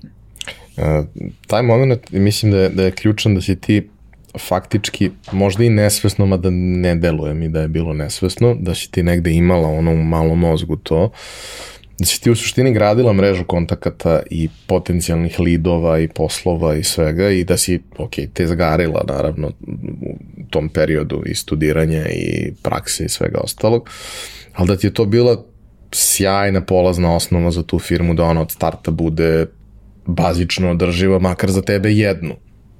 I to je velika stvar, posebno u situaciji gde, ono, ti troškovi poslovanja zbog specifičnosti poslovanja nisu mali. Nije to ono, uzmemo 17 kvadrata i napravimo jedan sto i kao, to je to, kao i struju, internet i mobilni telefon. Ne, ne, kao, ima svašta. E sad, uh, pričat ćemo o projektima koje ste radili. Ajde prvo da pričamo o ljudima. Ovaj, uh, rekla si kad, kad dolaziš do toga, kad shvataš da ono, nije to više one woman show, nego to mora da bude nešto što, što će biti sistem koji može da funkcioniše bakra delimično i kada ti operativno ne možeš da se baviš svim stvarima jer je fizički nemoguće, barem za sad. Ovaj, na koji način nalaziš ljude, po kojim kriterijumima biraš ljude? E, na početku imam poziciju studentske prakse i onda um, manje više mi ljudi šalju portfolio CV, na osnovu toga biram ko mislim da, da je pri tom um, projektanskom senzibilitetu blizak ovome što ja zastupam, pričam sa ljudima i na osnovu toga onda ide jedan period studentske prakse i posle toga oni svi ostaju, ne svi, ali većina tih koji dođu na praksu u stvari ostanu. I ja sam tu u početku birala samo po tim, po tim kako je ko profesionalac, znači mora da daje sve od sebe, pošto je meni to jedan od osnovnih posta, postulata poslovanja, Uh, mora da se trudi, ok, nešto će usput naučiti, ali da ima neku bazu. Uh, vremenom se to potpuno promenilo, jer ja mislim da taj moj pristup je bio uh, tipa, ok, svi su mi ti ljudi super, ja bi sa njima sedela u kafiću i, i uživala, a stvarno tak, tako sam i birala ljude u ekipi da mi budu, da mi bude prijatno sa njima, pored tih ostalih kvaliteta. Uh, međutim, vremenom shvatam da ja ne biram dobro ljude. I um, o, u nekom trenutku um, zapošljam psihologa koji mi radi sve dalje uh, taj deo HR-a. Uh, radio i sa mnom i sa ostalim članovima tima intervjue i na osnovu po, svake nove pozicije uh, ide uh, prvo ide to slanje portfolio CV gde mi biramo neki broj ljudi, onda ide neko osnovno testiranje da li to što su stvarno napisali u CV-u i portfolio oni znaju da rade i radili su sami, onda ide uh, razgovor sa psihologom i tek posle toga ide razgovor sa mnom, taj najuži krug, uh, zato što zašto je tako mnogo bolje. I tako je se pokazalo da, da ti ljudi nekako mogu da rade i kad ja nisam tu, ne da mogu da rade, nego fantastično rade i kad ja nisam tu i uh, da sami razmišljaju, rade proaktivno i kad je počelo sve ovo oko korone, uh, pokazalo se da mm, ti može da bude kod kuće šest meseci, uh, osam meseci, da sam ja pritom na porodiljskom i da nemam problema da sam sigurna da oni stvarno rade i da daju svoj maksimum. Jedan razlog zašto, zašto sam želao da pričamo o tome je prvo, ono, to je uh, evolutivni skok u glave koji ti se desio u jednom trenutku koji je jako značajan za svakog ko želi da pravi firmu koja će da prevaziđe taj moment da zavisi od jedne osobe. Ove, a druga stvar je što si ti u, u startu, a i danas u vrlo specifičnoj situaciji da zapošljavaš ljude koji ne postoje. Dakle, niko se nije školovao za to što tebi treba. Možda, školovao se za nešto slično što možda može kroz vreme praksu da dovede, ako ima adekvatan način razmišljanja, voljni moment i sve ostalo, može da dođe do toga, ali u suštini ti ljudi ne postoje ono, ni, niko se nije školovo za to, niti se bavio prethodno time, ajde možda po neko, ali generalno nije. I to je jako veliki problem, ali je sa druge strane, ukoliko pristupiš tome na pravi način, jako velika prilika da dobiješ ljude koji su, uh, neću kažem oblikovani onako kako treba, jer to sad zvuči pogrešno, oblikovanje ljudi prema sebi i svojim potrebama znači da si ih ti možda negde osakatio za dalje procese u životu, ali e, da ih naučiš važne stvari na pravi način. Ja to često ono kad pričam sa ljudima, neću sad imenovati neke određene fakultete koji su znaju ljudi koji slušaju pojačalo, koji su moji omiljeni fakulteti na tri slova, ovaj, ali kao, znaš, prva stvar koju moraš da uradiš sa tim ljudima kada ti dođu je da, da, ih, e, da im objasniš da moraju da zaborave sve ono što su naučili, jer to, to ne funkcioniše tako ako im je pritom, ako su pritom osnaženi na fakultetu da misle da su bogom dani i da manje više ne znaju ništa ko tela da li imaju kompleks boga, taj proces je dosta bolan i, i težak. Kao, jednostavno ne želiš da ga prolaziš. Ovde ti dobiješ neki sjajan materijal, sjajnu osnovu i motivacije, jer oni ako su se javili, oni isto to žele što, što si ti žele. Možda oni ne, ne umeju, možda neće moći, možda ali kao, postoji dobra baza, znaš kakav je fakultet, postoji dobra baza i postoji dobar voljni moment i ti sada već imaš dovoljno iskustva da možeš da proceniš prilično dobro ko ti odgovara, ko ti ne odgovara. Pa svi greše. Mislim, greška je... Sem mojeg psiholog, ona ne greši. Ali ono kao generalno ništa nije strašno ako ti, problem je ako ti grešiš u 80% slučajeva, onda ne treba da se baviš time kako pogrešiš ono, jedan od pet ili tako nešto, ok, znaš, probala si, dala si šansu. Neki ljudi se ne snađu. Neki ljudi se ne snađu u datom trenutku, možda bi za dve godine sve bilo drugačije. A, Kod nas je veoma to uh, dugačak proces, baš tako kao što si rekao. Onboarding, ceo ili... Ceo onboarding, prvo zapošljavanje, to taj proces traje jako dugo, mi smo mali tim, nas je šestoro i mi nemamo često raspisan konkurs. Vas šestoro radi ono? Da, da, da, da. Ok. I ovaj, e, to je jako bitno da, pritom meni kor ekipe tu uh, 3, 4, 5, 6 godina, E, tako da e, mi nemamo baš često raspisan konkurs i zato je meni jako bitno da to koga primimo e, da je e, ma, da što više pogodimo. e sad, samo ulazak u struku jeste prvih šest meseci kogo dođe to je edukacija mm, ako je neko baš se jako puno iskustva, što se nama redko dešava, ali desi se, pa dođe u tim, onda uh, on zna nešto, a, ali šest meseci otprilike treba da neko postane koristan, ne isplativ, nego upotrebljiv. Upotrebljiv, eto, upotrebljiv.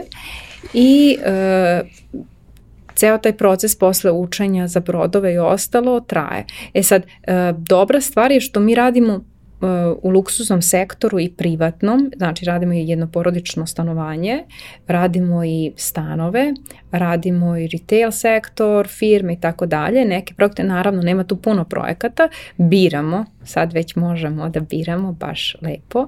I to su projekti koji ovaj, koji služe i za ljude koji ne znaju puno o jahtama, a znaju drugim stvarima da u stvari se uklope u ekipu i tu su oni stručnjaci.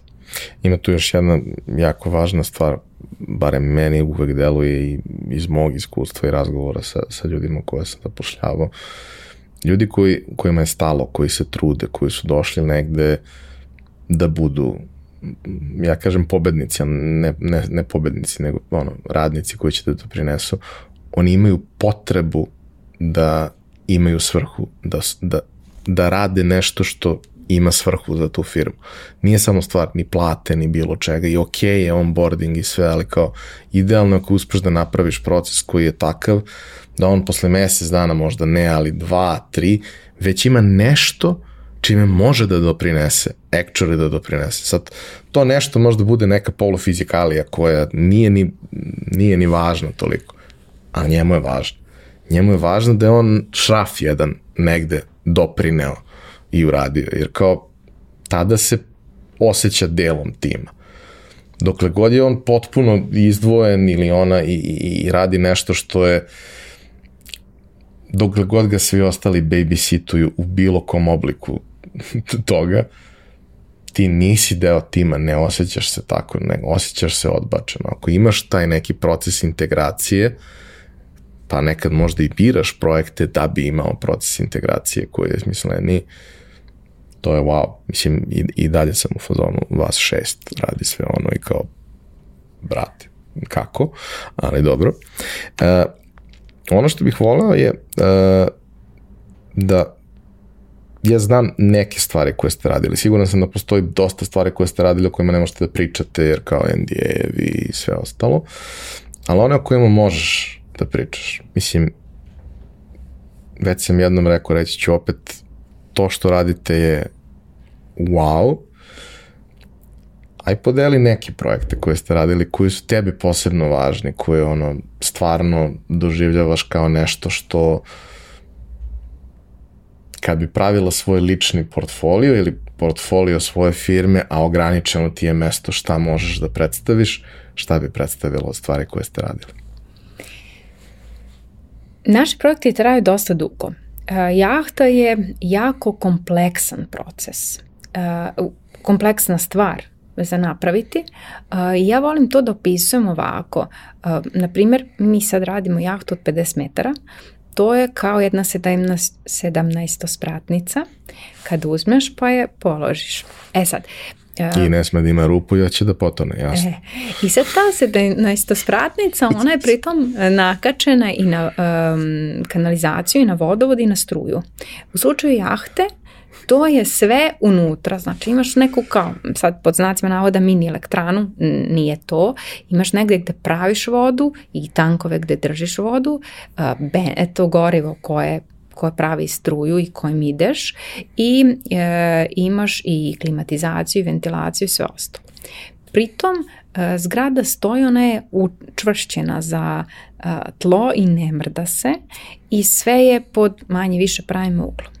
Ovde je sve zaobljeno, ništa nije pod pravim uglom, nigde nema standardizovanih elemenata, pritom se kreće kroz medijum vode i vazduha, znači dva medijuma, ko, svako ima svoje karakteristike i uh, može da bude lepo vreme, a kad pa, bude oluja, isto je kao i pre hiljadu godina. Znači mi tu nismo mogli ni vodu, ni vazduh da unapredimo. Mogli smo da ih zagadimo, ali što se tiče samog napretka kao strukture nismo ništa uspeli.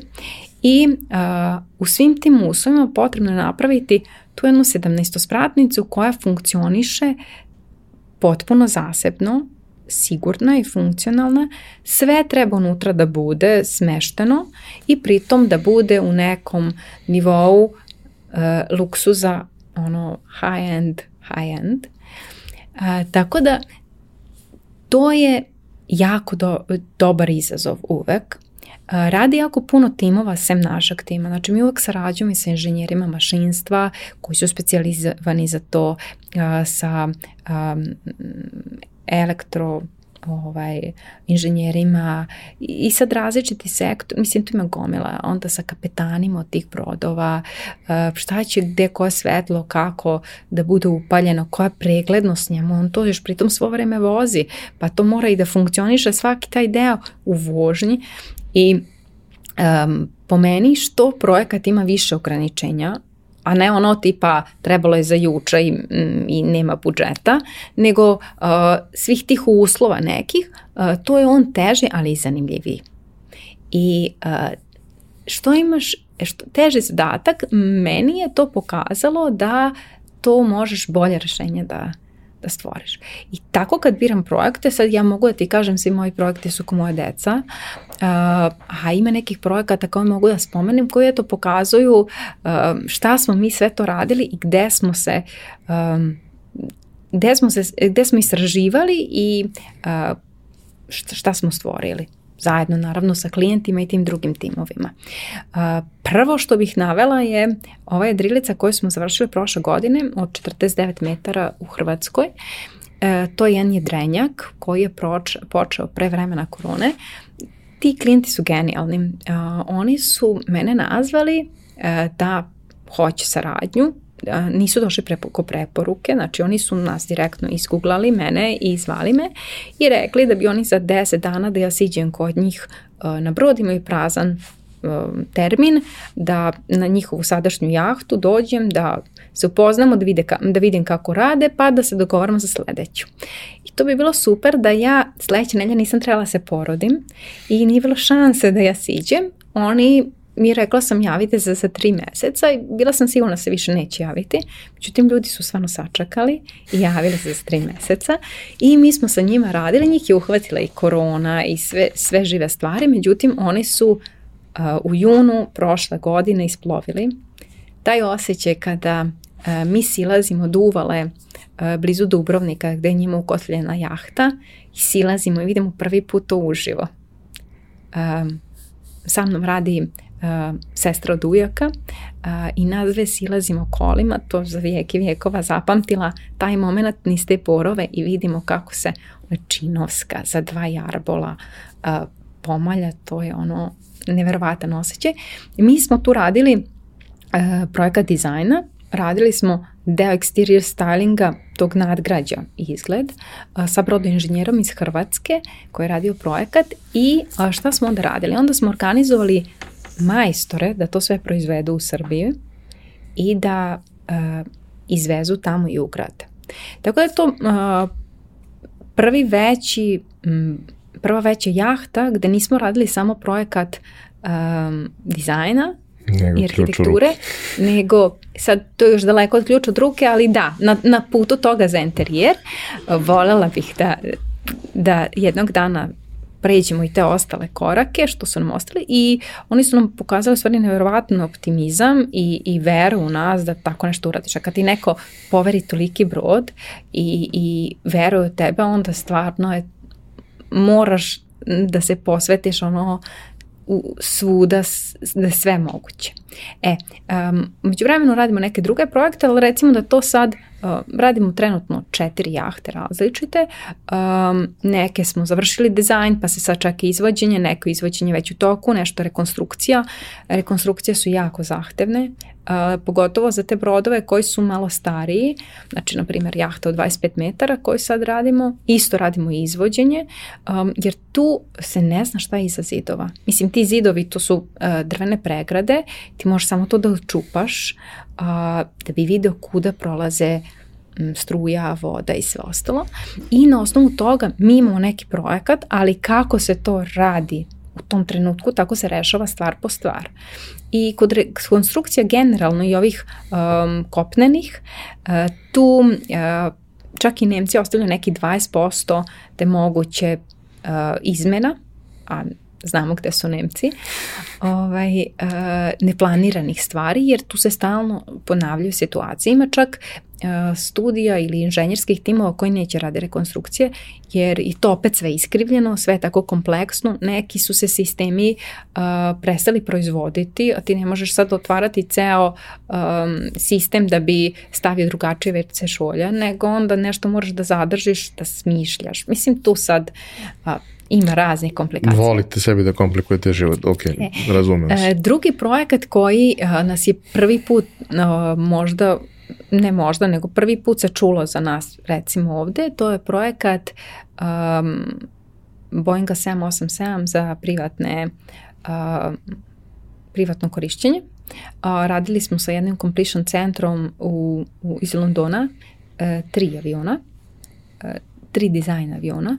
Taj konkretno je odneo projekat, odneo je nagradu 2014. u Londonu, Aircraft, um, International uh, Aircraft and Yacht uh, uh, Award, tako nešto se zove, sad mi je stao mozak, ali tu svetsku nagradu za uh, dizajn aviona te godine i tu je ono gde se industrija u stvari pokazuje i gde se svi javljaju sa svojim projektima, tako da je to Mi smo bili tamo potpuni outsideri, u tom trenutku nas ima dvoje u timu, um, a ja volim da napomene da su tamo bili Lufthansa i Četir i tako neki timovi I to je onako bilo, i sad kad razmišljam, to mi je potpuno neverovatno, ali u stvari šta smo mi uradili? Mi smo uh, sve što je standardno da se radi tako, mi smo sve preispitivali i rekli zašto bi moralo tako.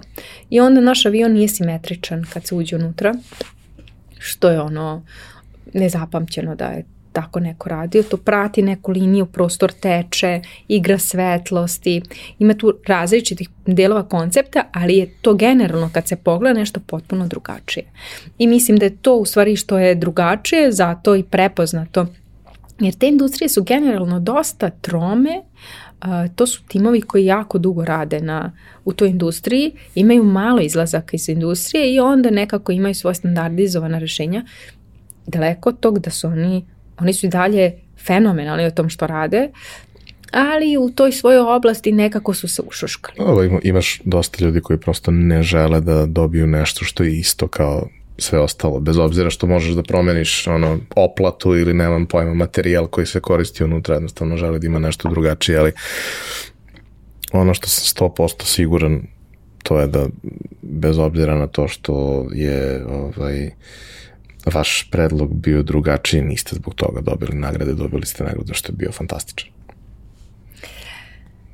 E, taj sam izlazak iz industrije, ja na tome jako potenciram, jer e, lako je uljuljkati se, a e, sa tim nekim zadacima koji su malo drugačiji, pogotovo u ranim fazama razvoja, u mom slučaju firme, tih recimo prvih pet godina, to je nešto što je jako doprinelo jeste možda malo stresnije, veći izazov, treba više se radi, a definitivno te mnogo više oblikuje i naučiš iskustveno iz takvih stvari.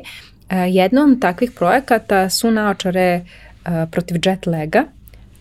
To je startup, jedan od vlasnika je odavde iz Beograda e, i otvorili su firmu u Holandiji. E, napravili su naočare, sad ja kako da najbliže to objasnim bez vizualnih po, ovde pokazivanja, to je jedino slično tome je u tom trenutku bio onaj Google Glass. Glass tako nešto.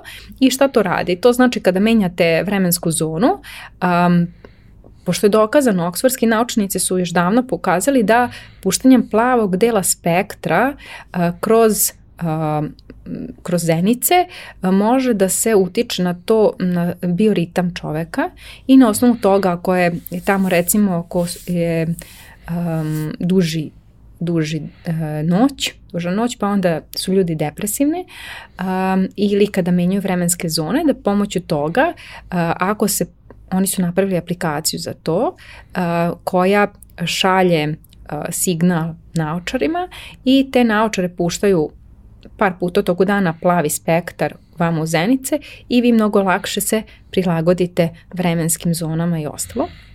Njima je neko radio prvo dizajn tamo u Holandiji, ali oni time nisu bili zadovoljni jer je projekat uh, to je totalno inovativna bila stvar i trebao je takav da bude i dizajn. Uh, I onda oni su tu iz ekipe ovih osnivača mladih preduzetni, udruženje mladih preduzetnika Srbije gde sam i ja bila jedna od osnivača i tako smo se i znali, oni su došli jedan dan i rekli, slušaj, mi jako volimo to što ti radiš, sviđa nam se, hajde da ti nama dizajniraš naočar. I ja rekao, hajde. I onda smo tu imali istraživanje, uh, ispitivali smo ljude koje nose naočare, išli da isprobavamo po radnjima, pravili od metala i tako dalje. To je trajao jedan proces, upoznavali se sa tim njihovom cijelom pričom. Um, njima su inače um, uh, KLM-ovi um, stewardese i avio ovaj, piloti bili zamočići za taj projekat prvi.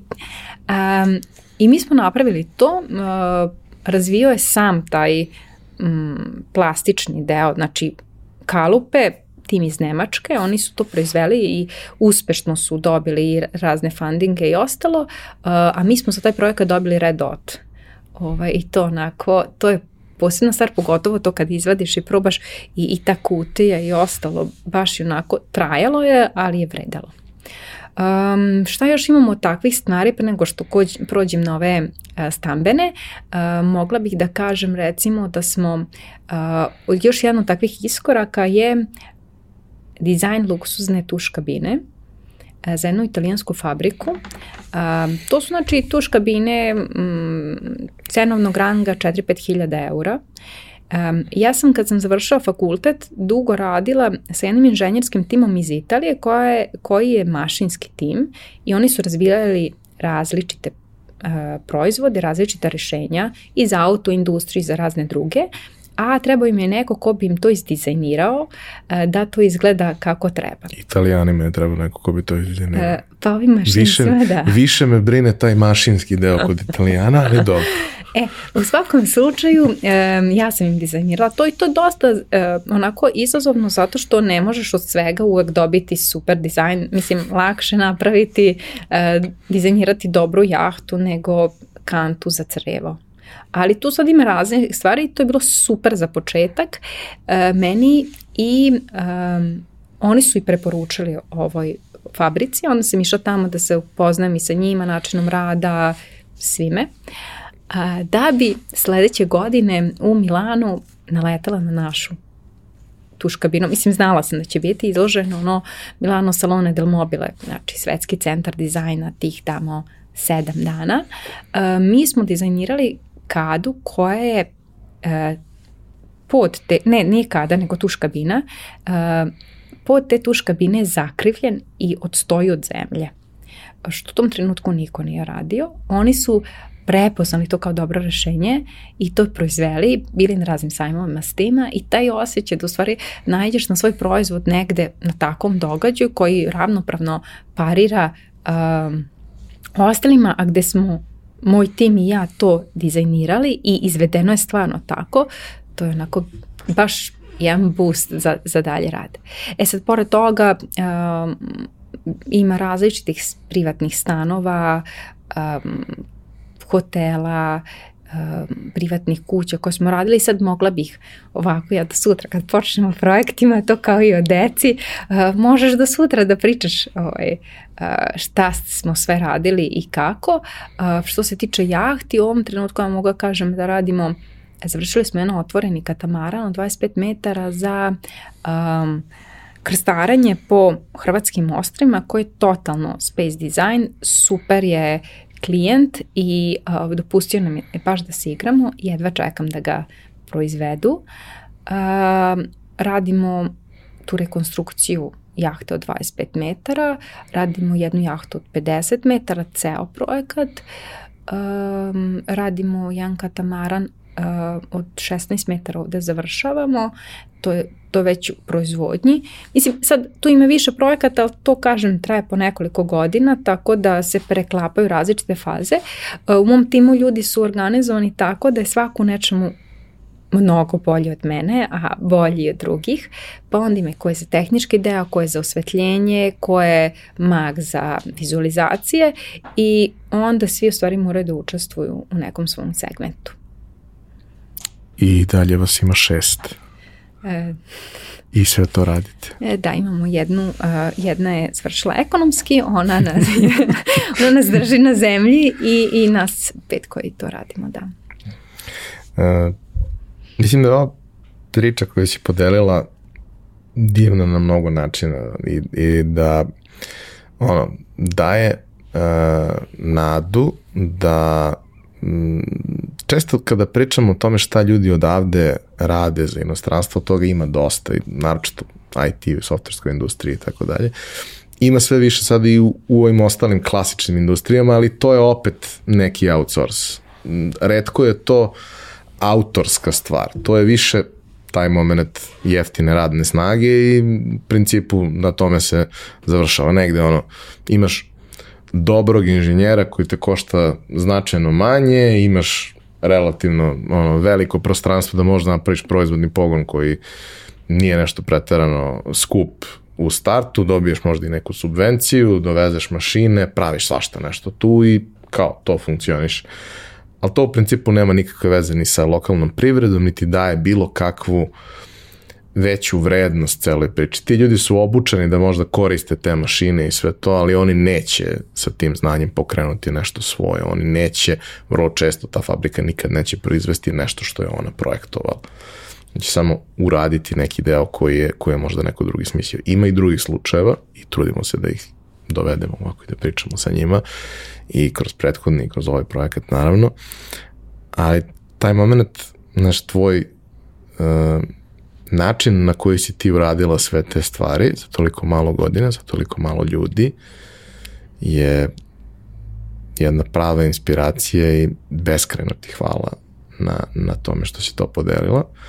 Za sam kraj bih volao da te pitam o, a, prošlo je deseta godina od kako si ti gazdarica, pored svega ostalog, prošle nekoliko godina od kako si mama. I ono, prioriteti se u životu menjaju. Uh, ti si, vidi se, celim bićem zaljubljeno ono što radiš. To mislim, vidi se iz aviona i ne mogu da kažem da mi nije jasno zašto, vrlo mi je jasno zašto, mislim da bi umro kada bi ušao u tuš kabinu koju sam ja projektovao. Mislim, prvo mislim da bi umro u procesu projektovanja tuš kabine, ali onda kada bi zapravo to negde sreo ovaj, i, i, i dodirnuo i iskusio tako nešto, mislim da bi to bilo ono, van telesno iskustvo. Ovaj, ali šta je dalje plan? ako postoji dalji plan, ako ono nisi u fazonu, nama je dobro i živimo u trenutku, a ne deluješ mi kao osoba koja nema plan. Hvala za poziv. Ja stvarno uživam kada pričam o projektima, pogotovo kad dobijem ovako mogućnosti da podelim, a tebe pratim uh, redovno, tako da je još veći ovaj nivo uh, što sam uh, zadovoljstva. Um, imam različite planove, imam puno planova, uh, konkretno mi imamo jedan projekat našu bebu koji još nije nažalost realizovan, a to je projekat e, plutećeg hotela sa katamaranima, apartmanima, koji smo razvili kao a, jednu opciju, a, mogućnost za, za ljude koji uživaju na unutrašnjim vodama na vodi, jer od kad sam se vratila da živim opet ovde u kopnenim predelima, um, stalno gledam koliko u stvari uh, mi propuštamo šansu da budemo povezani na pravi način sa tim vodenim površinama konkretno već u Srbiji imamo neverovatne um, mogućnosti gde nije razvijena infrastruktura i mi smo uh, razvili taj projekat, uh, dobili razne nagrade i silnu medijsku pažnju, bukvalno svuda uh, na svetu. Um, Discovery nas je zvao da snima emisiju pa smo mu objasnili da to nije još napravljeno, uh, gde u stvari vi imate taj centralni hotel i onda postoje plutajući apartmani koji se iznajme i koji, to su boat house kojima se ide okolo i sam biraš gde ćeš da budeš u prirodi i tako dalje. E, to je projekat koji e, smo mi potpuno razradili i ja se nadam uh, da ćemo u nekom trenutku prepoznati, biti prepoznati od strane klijenata koji žele s nama da razviju taj projekat uh, mislim oni razvijeni već za proizvodnju, da proizvedu taj projekat, znači da ga vidim na vodi, jer će to značiti da na neki način sam i doprinela povezivanju mislim ja i moj tim, povezivanju ljudi sa mogućnostima ovde koji imaju, jer naša vizija je da u stvari povežemo ljude, da ljudi uživaju u najsavremenijoj tehnologiji, ali da budu mnogo više povezani sa prirodom nego što su to danas. I vodom. I vodom. Um, I druga stvar uh, je definitivno nastavak borbe za edukaciju uh, stanovništva o tome šta je arhitektura, o tome koliko je to bitno jer uh, mi znamo da svi mi ti i ja u narednih 30 godina 27 ćemo provesti u zatvorenom prostoru. Um, mi ne možemo na puno toga u životu da utičemo, ali na to gde mi provodimo vreme, gde radimo i gde se odmaramo, na to možemo. I da je to jedna ozbiljna stvar koja treba pristupiti na pravi način i uh, gde treba u stvari uh, razmisliti, raditi sa obučenim ljudima, sa profesionalcima, uh, da stvorite ono što vam treba, uh, da ljudi shvate da uh, pogotovo unutrašnja arhitektura nije biranje uh, žutih i zelenih zavesa ili saviću sa tri jastučića posle druga dva. Ok, super za do it yourself, šta možeš sam da uradiš da doprineseš, a za neki uh, stvarni razvoj prostora uh, da je to bitno i da se tome treba posvetiti, eto to mi je cilj. Hvala ti puno što si bila i podelila priču. Hvala vama Hvala ove, što ste nas slušali i gledali. Kao i sad sva pitanja, sugestije, komentare, ostavite nas za to predviđenim mestima na društvenim mrežama i na YouTube-u. Ja se nadam da vam je bilo zanimljivo, meni je bilo beskreno, beskreno zanimljivo i zabavno i ono, jednog dana ću probati makar tu tuš kabinu. Ovaj, uh, hvala vam puno na pažnji, mi se kao i uvek ovaj, čujemo i vidimo naredne nedelje.